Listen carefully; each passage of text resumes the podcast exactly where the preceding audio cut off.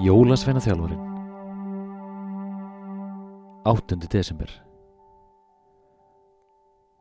Hallur gekk hægt upp stegan. Á vinstri hönd var hvítur steinveikur en á þá hæri, þar sem á venjulegum stegum er handrið, var ekkert til að stiðja sig við. Svo hann fór ofur varlega. Þegar hann kom efst upp á stegapallin, tók á mótunum látlaus viðarhurð. Hann lægði við hlusti rétt sem snöggvast, en bankaði svo létt. Tók híkandi í húnin, laug dyrnum hægt upp og gæðist inn.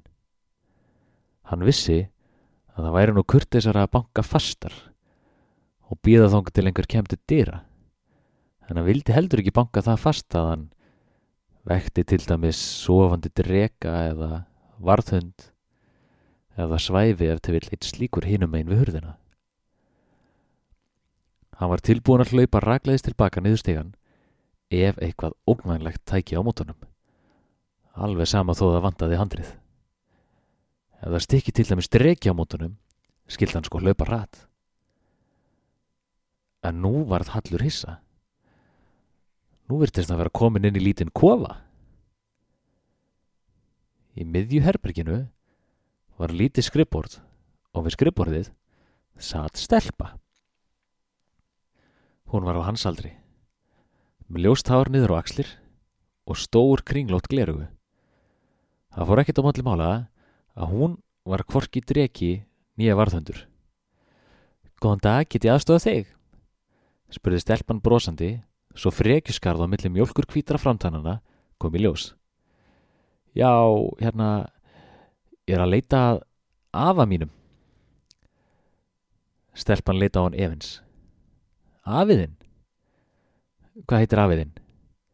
Hann heitir Hallur, eins og ég. Ég er skýrður í höfuð á honum. Stelpunni virtist létt. Er hann afiðinn? hló hún. Það hlaut að vera. Ég ætla að segja að það væri einhver hinna. Hún leita úrið sitt. Ég heiti hann að slóa. Þú er ekki komið þing áður það. Hallur hristi hausinn. Það fer alveg að koma kvöldmandur.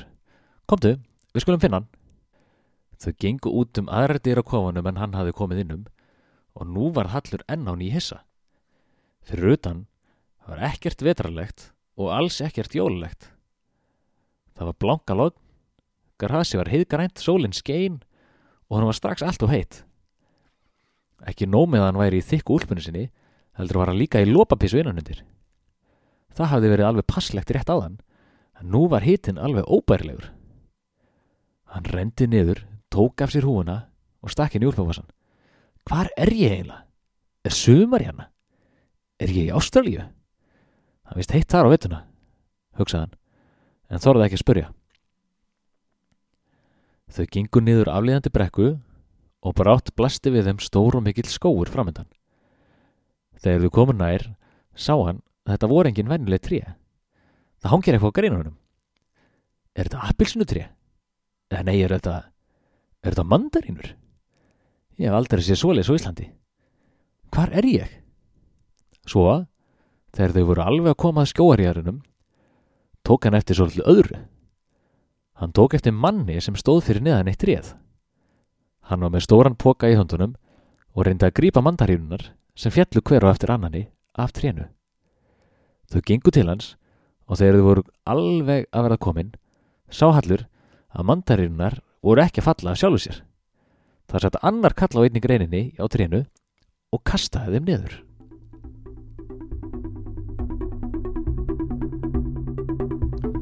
Fluttur var áttundi kapli jóladagatalsins um jólasveinaþjálfaran eftir Egil Haldursson.